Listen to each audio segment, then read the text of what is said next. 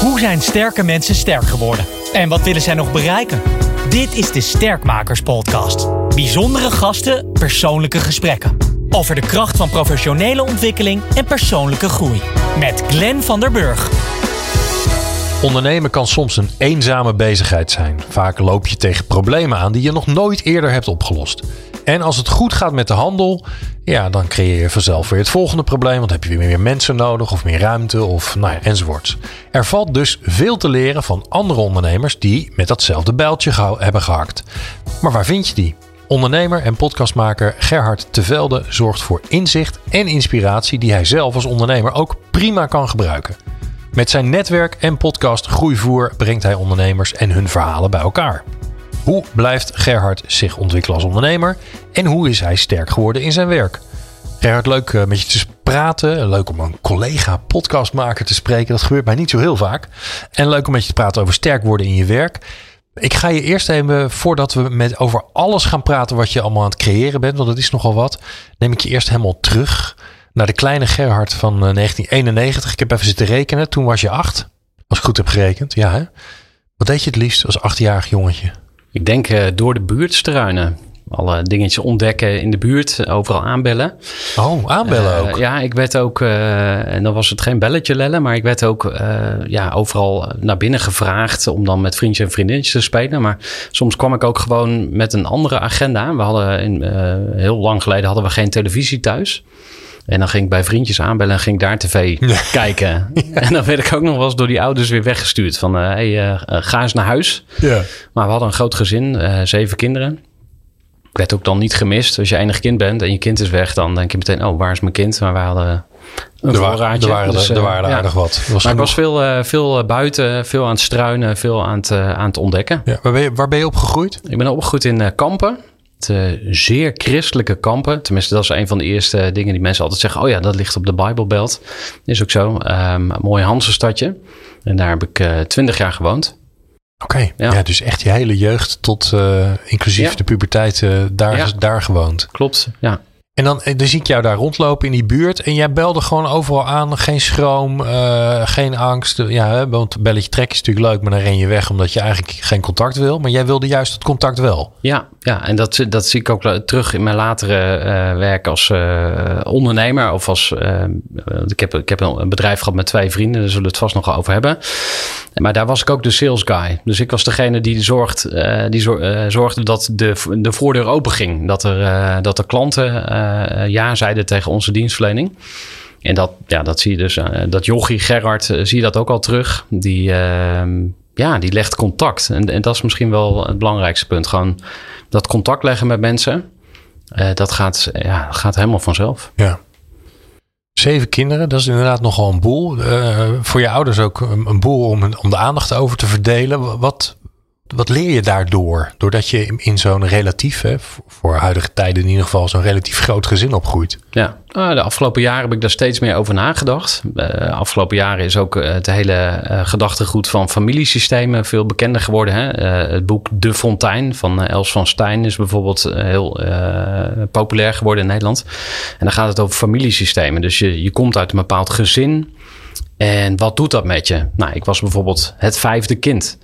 Mijn theorie daarbij is dat uh, het eerste kind krijgt eigenlijk heel veel aandacht. Dat zie je nu nog steeds. Hè? Van, je, van je eerste kindje heb je misschien wel honderdduizend foto's. En dan ja. komt nummer twee en dan heb je misschien nog duizend foto's. En nummertje drie, nou ja, die mag dan bij wijze van spreken met honderd foto's doen. Maar, dus je ziet die, die, die aandacht neemt exponentieel af. En mijn theorie is dat ik dan eigenlijk altijd ook, uh, om toch aandacht te krijgen, een beetje extra gekke dingen moest doen of een beetje anders moest zijn. En ook dat koppel ik dan weer aan mijn ondernemerschap. Uh, van, oh ja, uh, iedereen ging in loondienst, maar ik ging ondernemen. Ik noem maar wat. Ja, jij bent een andere weg gegaan dan je broers en zussen. Ja, ik denk het wel. En uh, ik ben me er ook bewust van dat het, het is ook een verhaal wat je zelf vertelt. Hè? Dus het is een, een versie van de, ja. de werkelijkheid. Ja, en verder, eh, als je met zeven kinderen bent, moet je gewoon in het gelid lopen. Dus eh, we gaan naar de kerk, want wij waren ook nog christelijk. Eh, mijn vader die had zo'n grote Peugeot Station Wagon. Nou, dan iedereen instappen en dan gingen we. En dan, ja, wij, ik voelde me ook altijd een beetje het lulletje van de buurt. Hè? Want wij hadden zo'n groot gezin en we waren anders. En, en, nou, dus Maar dan- waarom waren jullie dan anders? Nou, in die buurt er waren niet zo heel veel mensen die eh, dan ook naar de kerk gingen. Oké, oké. Dus wij dus in het zeer gelovige kamp woonden jullie in het gedeelte waar er niet zoveel gelovigen waren. Ja, ik denk het wel. Ja, en ehm, ja, dus dat, dat in het gelid lopen, dat, dat, dat herinner ik me ook. Kon je dat wel? Ja, toen ging het wel. Eh, Oké. eigenlijk wel goed. En er was ook natuurlijk gewoon discipline. Want eh, ja, mijn, eh, mijn ouders die, die hadden gewoon duidelijke regels. Van, ja, eh, je mag pas van tafel als je, als je van tafel mag en niet eerder. En eh, nu heb ik die strijd met mijn dochters. Ik heb twee dochtertjes, eh, ze zijn vier en twee. En die willen op een gegeven moment, eh, zijn ze klaar met eten, maar het bord is nog niet leeg. Of eh, eh, wij zijn nog bezig. Of nou ja, maar dus dan krijg je dat allemaal weer mee van, oh ja, hoe deden we dat vroeger thuis? Maar goed, in die kindertijd ben je zo. Ja, je, je doet het gewoon. En pas nu ga je erop reflecteren en, en er wat van vinden. Ja. Wat vind je er dan van? Nou, ik heb heel veel respect en waardering en ook liefde voor, voor beide ouders. Mijn moeder is overleden toen ik 14 was. Dus als we het nog over jeugdtrauma's eh, gaan hebben, kan ik die alvast eh, op tafel leggen. Eh, ik ik maak het een beetje groot, met een knipoog natuurlijk. Maar ehm, Nou, dat is groot verdriet, toch? Zeker, heel, heel groot verdriet. Ja, nou ja, als je het over familiesystemen hebt, de theorie, of een van de principes is dat liefde van boven naar beneden gaat.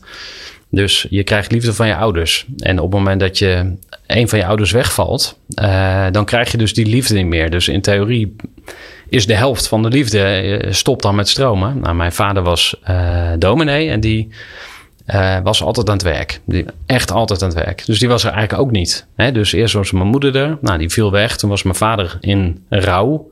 Om dan meteen maar dat hele verhaal ook eh, uit te pakken. En eh, dus die was er eigenlijk ook niet.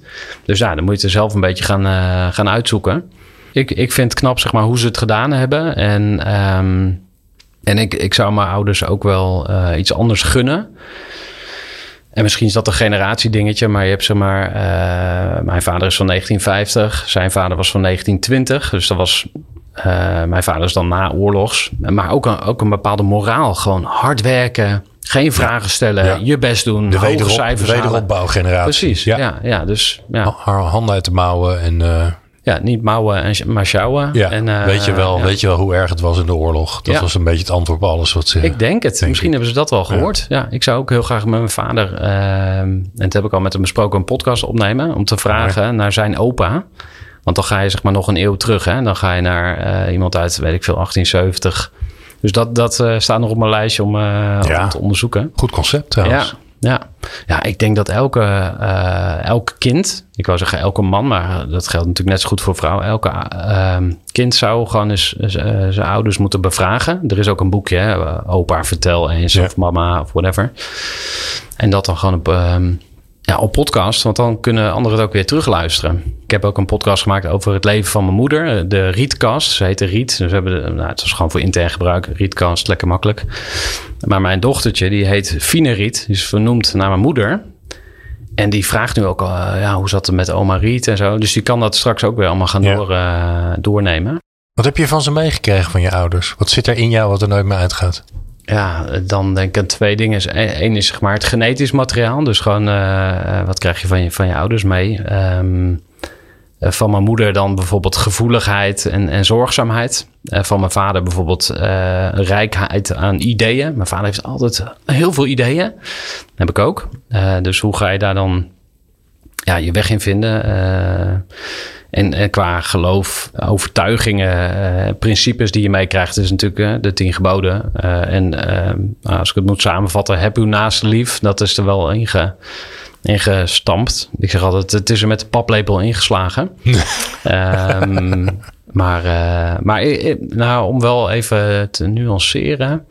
Dat was allemaal niet zo grimmig of zo. Hè? Je hebt ook wel die verhalen van, van mensen die dan heel gelovig zijn opgevoed. En eh er, kan, er, kan, er kan niks en er mag niet gelachen worden. En Ja. ja, wij waren gewoon in principe eh, leuk, eh, gezellig gezin. eh, niks aan de hand. Ehm, alleen ja, wel gelovig. En dus krijg je dat ook mee. Wat mij heel erg gehinderd heeft in mijn ondernemerschap is uh, bescheidenheid. Dus dat hebben we ook heel erg meegekregen hmm. van hè, wacht op je beurt en, uh, en, en uh, doe, maar, nou, doe maar gewoon. Doe dat maar, is al gek genoeg. Ja, maar dat is natuurlijk Calvinistisch. Dat, dat hebben alle Nederlanders, of heel veel Nederlanders. Ja.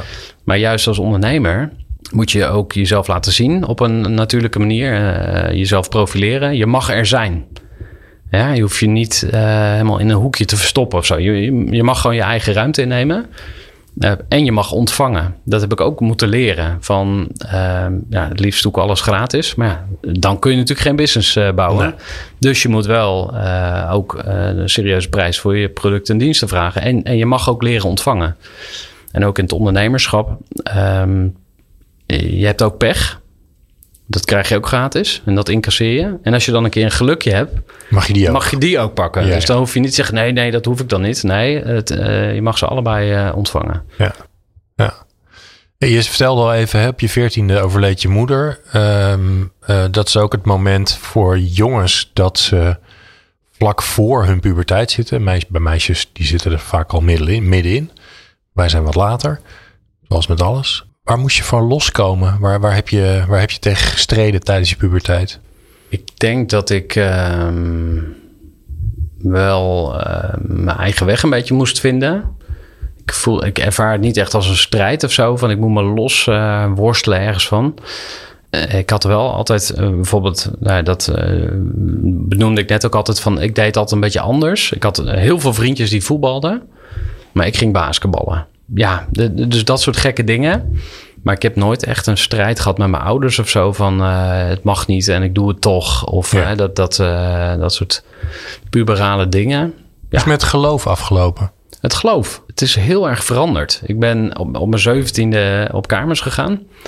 En, um, dat is vroeg. Ja, dat is vroeg. Ja, ja. klopt. Ja, nou, in Kampen. Uh, in een huisje wat mijn vader daar ooit oh, je bent gekocht in had. kampen op, ja, op ja, kamers? Ja, ja, uh, ja, dat nou heel verhaal. Maar mijn vader had ooit een huisje gekocht in de binnenstad. Dus hij dacht van, nou, daar kunnen dan de kinderen gaan wonen. Als ze op kamers willen, dan kunnen ze daar gewoon gaan wonen gratis. Dus dat was een mooie kans. En uh, vroeger... Wat een bijzondere, wat een bijzondere gedachte. Dat je denkt, oké, okay, als mijn kinderen op kamers willen... Ja. Dan, dan, dan zorg ik alvast dat er ruimte is in hetzelfde stadje. Ja. Ja. Zodat ze op kamers kunnen. Terwijl je toch meestal ga je op kamers omdat je ergens anders heen gaat. Ja. Wat, ik, wat ik mezelf nog wel zie doen, is dat ik andere mensen dan ga. Dat, dat, dat zullen heel veel mensen me gaan adviseren om iets anders te doen dan ik gedaan heb. Hè. Dus toen mijn neefje dan op kamers ging, zeggen: joh, ga naar Groningen, ga naar Maastricht, whatever. De verste uithoeken van het land, bij wijze van spreken. Maar uh, ga de wereld ontdekken. Ga, uh, ga dat doen. En ik ben in die zin best wel dicht bij huis gebleven, letterlijk. Ik fietste ook met een, met een, uh, met een bierkrat met vieze glazen erin naar huis. Dan deed ik ze in de vaatwas. dat ik zo je. dan was je weer ja, terug. Dan, ja, belachelijk natuurlijk. Maar in die zin, ja, het was wel heel comfortabel. Later ben ik naar Utrecht verhuisd en, en daar nog echt gaan studeren. En dat uh, heb ik ook zo ervaren van oh, nu ga ik pas echt naar de grote stad. En, uh, ja, ja. Want je hebt eerst HBO gedaan en ja. dat was in de buurt. Dat was in Zwolle. Ja. Dus in Zwolle uh, heb je natuurlijk HBO-opleiding. dus daar heb ik mijn personeel en arbeid opleiding afgerond. En toen ben ik pas echt, nou, ik zal niet zeggen echt gaan leven. Want daar in, Kampen aan de Groene Straat waar ik woonde, daar heb ik eigenlijk best wel veel een, losbandig uh, leven gehad. Want ja, toen, waar, toen mocht je zelf uh, kiezen wanneer je een zak chips openmaakte. Of een biertje. En dus dat was wel was een mooie tijd. Ja. En hoe is hoe, want ik kan me voorstellen als je vader dominee is. Hè, sowieso als je gelovig op, opgroeit in die tijd.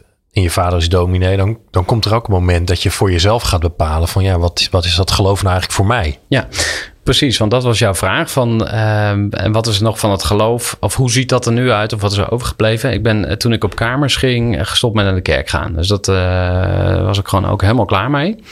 En dat, ja, dat werd gedoogd. Ik bedoel, ja, mijn pa die kwam me niet naar de kerk toe slepen of zo. Dus ja, dat had hij te accepteren.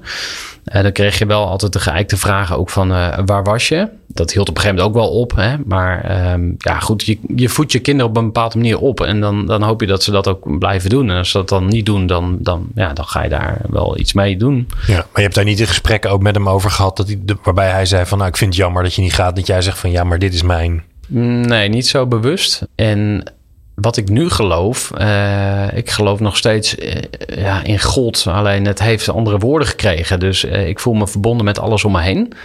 En nou, als je het zeg maar meer cultureel gaat bekijken, wij hebben het gevoel dat we heel veel controle hebben. Hè? Dus tegenwoordig heb je ook een persoonlijke groei. Dat is ook een ding. Doelen stellen, vision boards, werken aan je gewoonte, werken aan je purpose. mindset, purpose. Het, het hele circus. En hoe langer ik er uh, mee bezig ben, hoe meer ik ontdek van hé, hey, maar dingen gebeuren ook gewoon. En, uh, en dat, je mag het ook laten ontstaan. Ik ben nu een podcast aan het luisteren voor de zevende keer. Uh, dat is van Michael Singer. Hij heeft een boek geschreven, The Untethered Soul. Hij heeft nog meer boeken geschreven. Hij is eigenlijk een Amerikaanse boeddhist.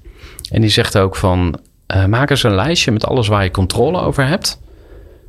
En zet dan daarna een, uh, eens op een rijtje waar je allemaal geen controle over hebt. En dan kom je er pas achter van: hey, shit, er gebeurt zoveel. Ik zit hier gewoon. Uh, nou ja, goed, hij heeft een fantastische uh, verhaal over. Dus dat kan ik echt als, als luistertip meegeven. Um, ja, dus jij, jij zegt eigenlijk ook. We gaan ervan uit dat alles maakbaar is en dat je daar zelf dus voor aan de lat staat om dat ook te doen. Maar eigenlijk zeg je ja, uh, de wereld is in beweging. Je hebt pech, je hebt geluk. En accepteer dat ook. Beweeg daarin mee. In plaats van dat je maar uh, net doet alsof het een soort uh, wit papiertje is. Waar je dan vervolgens een tekening op moet maken. Ja, ja, zo zit het niet in elkaar. Nee. nee, en ik denk dat iedereen dat ook wel weet of snapt. Of ook onder, onderschrijft, zeg maar. Maar in hoeverre kun je ook echt losla ja, loslaten in je dagelijks leven. Maar hoor je dat dan ook in je ondernemersverhalen? Want veel van die ondernemer, ondernemersverhalen die van buitenaf opgeschreven worden. Die gaan heel erg over ja, die ondernemer die als een soort halve superheld of heldin iets voor elkaar heeft gekregen. Terwijl, ja, als ik jou zo beluister, dan zeg je ja. Eh, iedereen in de wereld, alles in de wereld is in beweging. Dus heel veel ja. gebeurt ook gewoon omdat het toch al gebeurt. Ja, en dat, en dat is dus ook zo. Ja. Ja, en uh, een vriend van mij die uh, zei een keer van... je hebt in het Italiaans heb je het woord storia. En dat is het, het Italiaanse woord voor geschiedenis.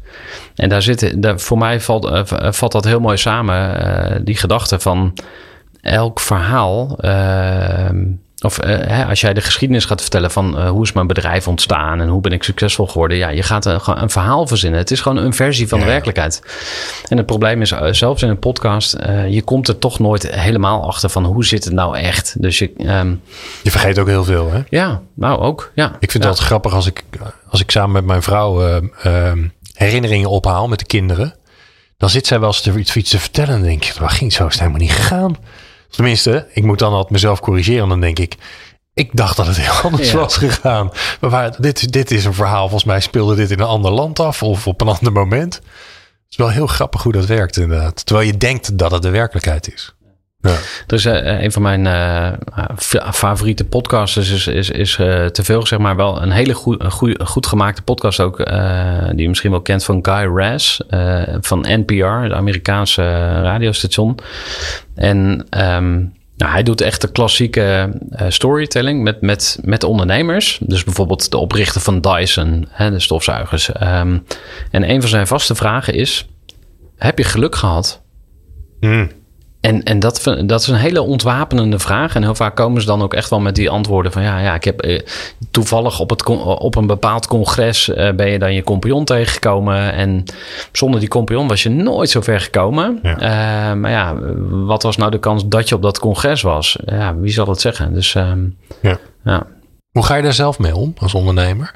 Met het feit dat je. Ja, ik heb ooit een ondernemer heel lang geleden geïnterviewd en die zei: Ja, het is. Uh, je bent de captain of your ship.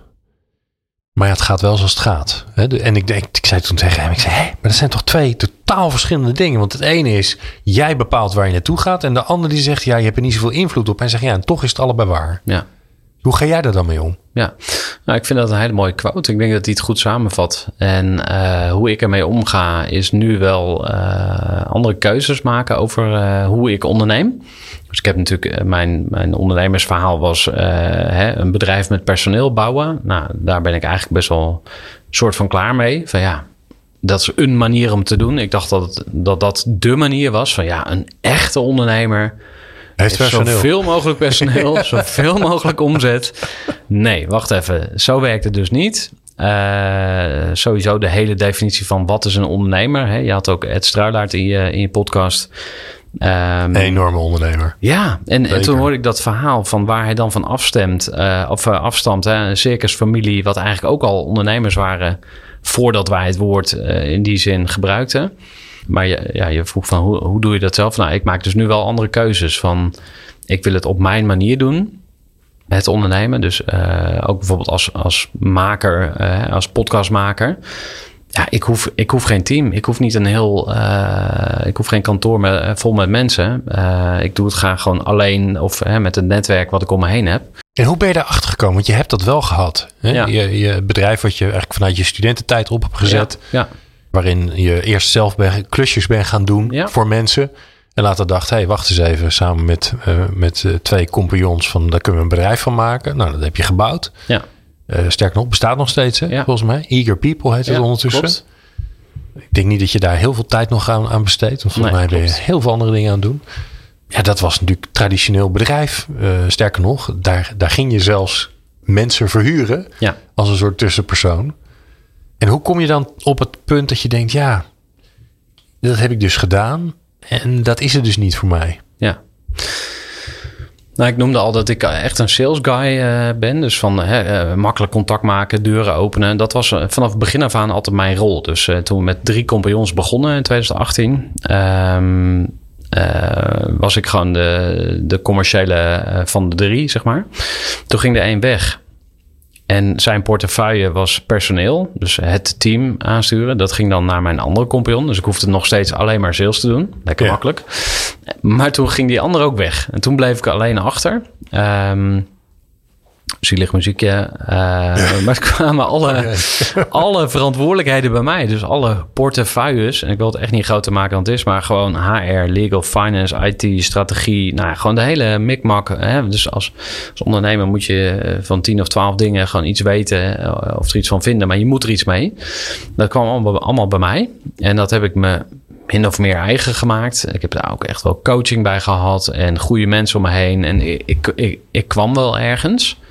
Maar ja, het, het ging ook steeds meer zijn tol eisen. En we hadden op een gegeven moment... uh, Hoe uitzicht dat dan? Hoe voel jij dat? Nou, een heel pijnlijke uh, fase was waarin ik uh, een arbeidsconflict heb gehad. Eigenlijk met twee mensen tegelijk. En nou, dat kreeg ik gewoon fysieke klachten, zeg maar. Dus ik ben gewoon een half jaar lang kwam ik half depressief thuis. Ik was doodmoe. Eerst wat ik deed als ik thuis kwam, gordijnen dicht op bed liggen. Mm. Dus dat was voor mijn partner ook niet heel, uh, heel prettig. Um, en later uh, wat ik zie als vluchtgedrag. Dus ik had eigenlijk geen zin in het team. Dus ik ging een nieuwe vestiging starten. Dus uh, dat kenmerkt mij ook wel. Ik hou heel erg van nieuwe dingen. Dus gewoon pionieren, iets opzetten. Daarom is podcast maken ook leuk. Een klant zegt, nou, we hebben dit. Oké, okay, nou, we gaan het helemaal uitdenken. En je zet het op.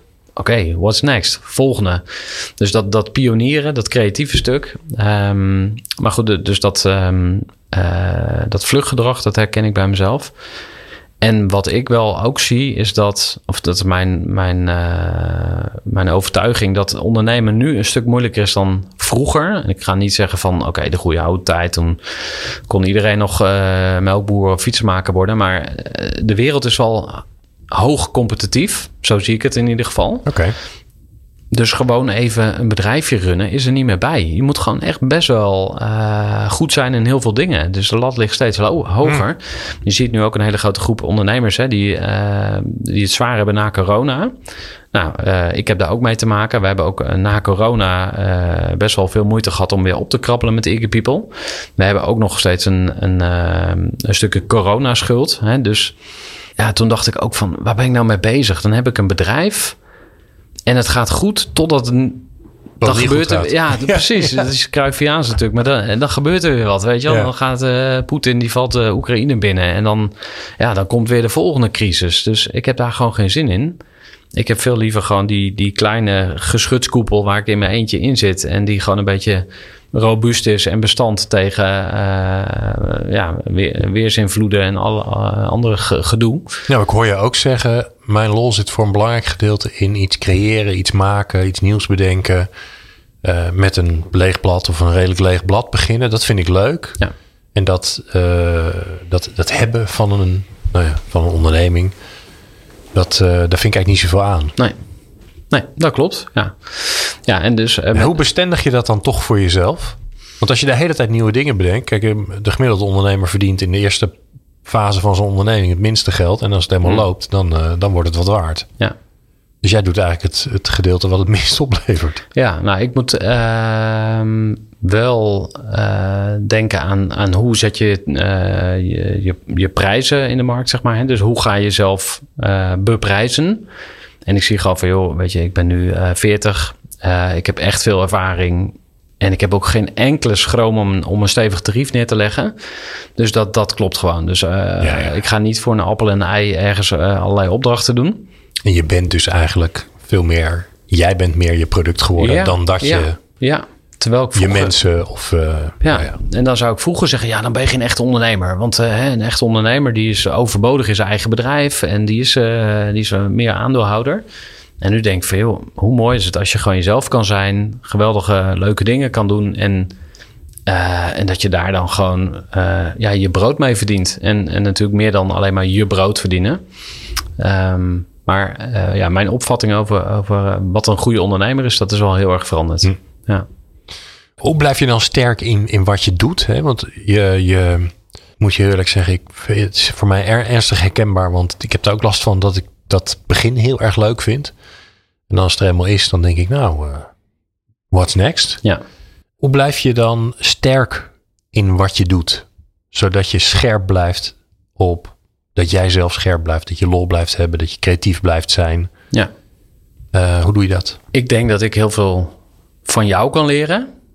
Als voorbeeld. Hè, dus jij bent ook een maker.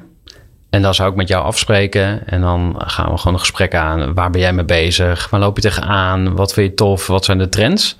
Nou, ik ben eh 2019 me, eh, begonnen met mijn ondernemerspodcast. en in 2020 heb ik een, groepje opgericht van, eh, voor podcastmakers. Dat zijn inmiddels een stuk of 50 eh, mensen die er professioneel mee bezig zijn. Dus dat is een plek waar ik dan mijn kennis ophaal. En eh, waar ik ook ja, proactief een rol in pak. Hè? Want ik, ik zeg dan van oké, eh, laten we binnenkort weer bij elkaar komen. Nou, we hebben nu de agenda staan eh 10 oktober komen we weer bij elkaar. Dan zoeken we een locatie, we zoeken een onderwerp, we zoeken wat sprekers erbij. En zo voed ik eigenlijk mezelf. Dus dat is eigenlijk uit eigen eh, belang is het, is het, heb ik het opgericht van hey, ik wil gewoon leren van anderen. En het mooie is, er zit geen verdienmodel op. Waardoor mensen ook heel makkelijk meedoen. Dus als ik zou zeggen van ja, en het kost 2.500 euro per jaar om mee Ja. te doen, dan Ja. denk jij alweer van ja, maar ja, je wil iets aan me, of, nou, dan, gaat, dan krijg je een iets andere energie. Ja. En ik krijg dan weer de neiging om een product te gaan leveren. Terwijl het is gewoon meer informeel leren. En ik vind dit een hele mooie manier die over alle branches werkt. Dus die werkt gewoon eh, voor elke ondernemer. Zoek gewoon vakgenoten. Liefst mensen waar, waar je een beetje bang voor bent of zo. Waar je tegenop kijkt of waarvan je denkt, van, oh, die is wel heel goed. Ga daarmee praten. Ja. En daar leer je van. Ja. Die hou je. Wie houdt jij dan scherp in, jou, in jouw naaste omgeving? Momenteel eh, denk ik het eerst aan mijn vrouw. Die dan eh, meer realiteitszin heeft eh, af en toe dan ik. Ehm, het droom is goed, maar ja, het moet ook wel eh, ergens in je, agenda passen, zeg maar. Ehm, ik heb een tijd ook mezelf heel actief gecoacht. Dan ging ik echt 's ochtends eh, met een boekje zitten. En dan, eh, wat is nu vandaag mijn belangrijkste ding? En dan, eh, nou, ging ik helemaal schrijven. Eh, ik heb een accountability partner. Je vertelt het alsof je denkt, ja, ik heb het geprobeerd, was hem niet voor mij. kan heel goed werken. Dan zeg wat Alleen- vind je er eerlijk van? Nee, maar ja, kijk, maar dit is nou typisch zo, hè, die, die, die, die, die gast die nieuwe dingen leuk vindt. Hè, dus dan kom ik dat ergens tegen van, eh, dat noemen ze dan thinking time. Ja. Dus begin elke dag met een uur nadenken. Op zich heel goed. Alleen op een gegeven moment dan, ja, heb je wel heel veel dingen opgeschreven. Ja. Je moet het ook allemaal nog gaan Hoe de doen. hel ga je dat allemaal doen? Ja. Ja, en hetzelfde geldt voor boeken schrijven. Ik stond net in de bibliotheek hier eh, van, van uh, Schouten Nederlandse. En denk, oh wat vet, al die boeken, die wil ik allemaal lezen. Maar dan denk ik, ja, En dan, weet je wel, dan gebeurt er nog niks. Dan moet je het nog gaan doen. Dus ik zit nu veel meer op de tour van uh, herlezen van boeken waarvan ik denk, die maken echt het verschil. Bijvoorbeeld een boek over uh, het 80-20 principe. Um, nou ja, de Pareto Principle van doe minder. En dan nog moet ik mezelf dwingen van, oh ja, en wat ga je dan minder doen? Dus wat ga je killen? Waar ga je mee stoppen? En dat vind ik heel lastig. Zo'n zo'n eager people ook. Ja, ik doe dat al 15 jaar. Had ik niet vijf jaar geleden al moeten zeggen, een stekker eruit. Groeivoer. Uh, ik ga nu naar de 250 afleveringen. Denk, ja, moet ik niet gewoon bij 250 uh, eh, strikken om en de groeten? Alleen dat vind ik dus heel lastig. Um, ook omdat je denkt van ja, maar nu heb ik eindelijk wat opgebouwd, dus moet ik door. Nou, dit vind ik persoonlijk een van de alle, allergrootste ondernemersdilemma's. Van iedereen zegt je moet doorzetten en doorgaan. Maar hoe, ja, hoe ver ga je daarin? Ik dwaal een beetje af van je, van je vraag. Ik vind het wel interessant. Ik vind het wel interessant, want het is natuurlijk het lastige. Hè? Dat, je, dat je, je hebt zoveel tijd en energie en liefde in iets gestopt. En dan, en dan eigenlijk voel jij, ik hoor je eigenlijk zeggen, ik voel aan. En uh, zeker als je jezelf beter leert kennen. Ik voel aan dat ik misschien wel het punt ga bereiken dat ik het minder interessant ga vinden. Dan gaat mijn aandacht weg, dan gaat mijn creativiteit weg. Dat is eigenlijk het moment dat je moet stoppen of overdragen. Maar ja, het loopt net zo lekker. Ja. Maar het begint nu eindelijk, hè, begint geld te leveren. Of mensen zijn er heel blij mee. Of uh, nou ja, bij een podcast, mensen komen naar je toe om te zeggen, oh mag ik er ook in? Hè? Dat is altijd, ook altijd een hele fijne bevestiging, vind ik dat. Terwijl misschien is voor jou wel de tijd gekomen om inderdaad te zeggen, nou, hè? Het is mooi geweest. het is weer mooi geweest. Dan gaan we, ik heb weer een ander plannetje. Ja. Ja. Ja, ik, maar ik weet het niet. Misschien kunnen ze nog wel naast elkaar staan of zo. Maar dat, ik merk wel dat groeivoer is ook in die zin een soort uh, all-consuming monster, zeg maar. Wat gewoon wel heel snel energie en aandacht uh, naar zich toe trekt. Ik zat net in de auto nog uh, te bellen met, een, met een bevriende ondernemer. En die zegt, ja, vriend van me die heeft een, een handel online in goud en zilver.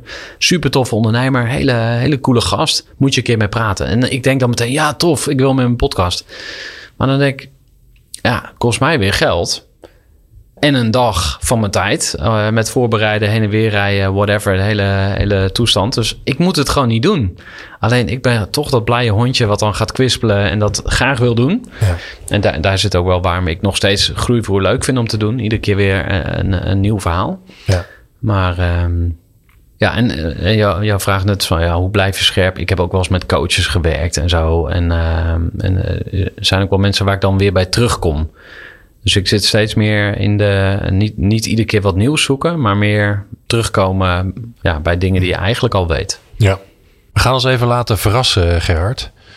Uh, dat doen we met een kaartspel. Tarotkaarten. Tarotkaarten. ik geef, uh, gelukkig doen we dat niet. Een glaasje nee. draaien. Ja, nee, het, is een, uh, het is een heel leuk kaartspel. Ontwikkel je mindset.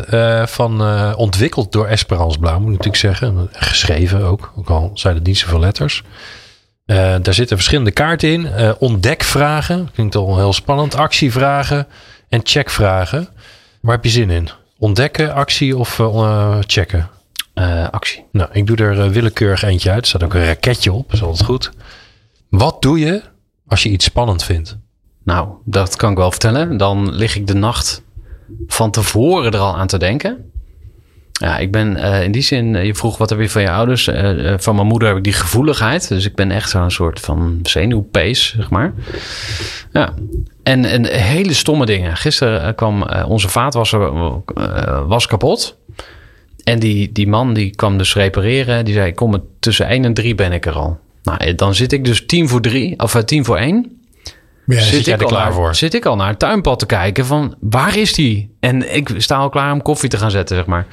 Dus om vijf over drie, hè, uh, na twee uur naar het tuinpad gekeken te hebben, is hij er nog steeds niet. Ik heb hem, ben je al in de buurt? Nee, ik ben nog in Dalfsen, het is uitgelopen. Ik kom, kan ik rond vijf uur nog komen? Ja, tuurlijk. Maar dat geeft dus wel aan, er komt, er komt een event aan. Ik ga al helemaal anticiperen. Um, ik weet niet waar dat vandaan komt. Grappig. Maar dat is, uh, en met een podcast is het natuurlijk ook zo. Maar, ja, maar als je dus iets spannends gaat doen, dan slaap je ook slecht. lig je wakker. Dan moet het wel echt heel spannend zijn. Dus als ik zou gaan skydiven of zo, dan zou ik wakker liggen. Ik, zit niet, ik lig niet wakker voor de, de, de, de vaatwas uh, Nee. monteur of, Nee. of voor een podcast als deze. Omdat ik natuurlijk zelf ook heel veel doe, zou ik ook niet gespannen zijn. Ehm, misschien zou ik het nog wel meer kunnen opzoeken. Dat is ook wel interessant. Eh, Will Smith, eh, die staat er ook bekend om. Die zegt dan ook altijd van... ja, doe elke dag iets wat je bang maakt. En dan gaat hij skydive of zo. Ehm, Hm. Ja. eh, Of je slaat iemand op zijn bek tijdens Ja. de daar word je ook bang Ja, van. precies. Ja, Ja, dat is dan weer wat minder. Beter maar, niet. ehm, Nee. maar ja, ik, dat vind ik dan wel eens jammer. Dat ik dan toch een beetje zo'n...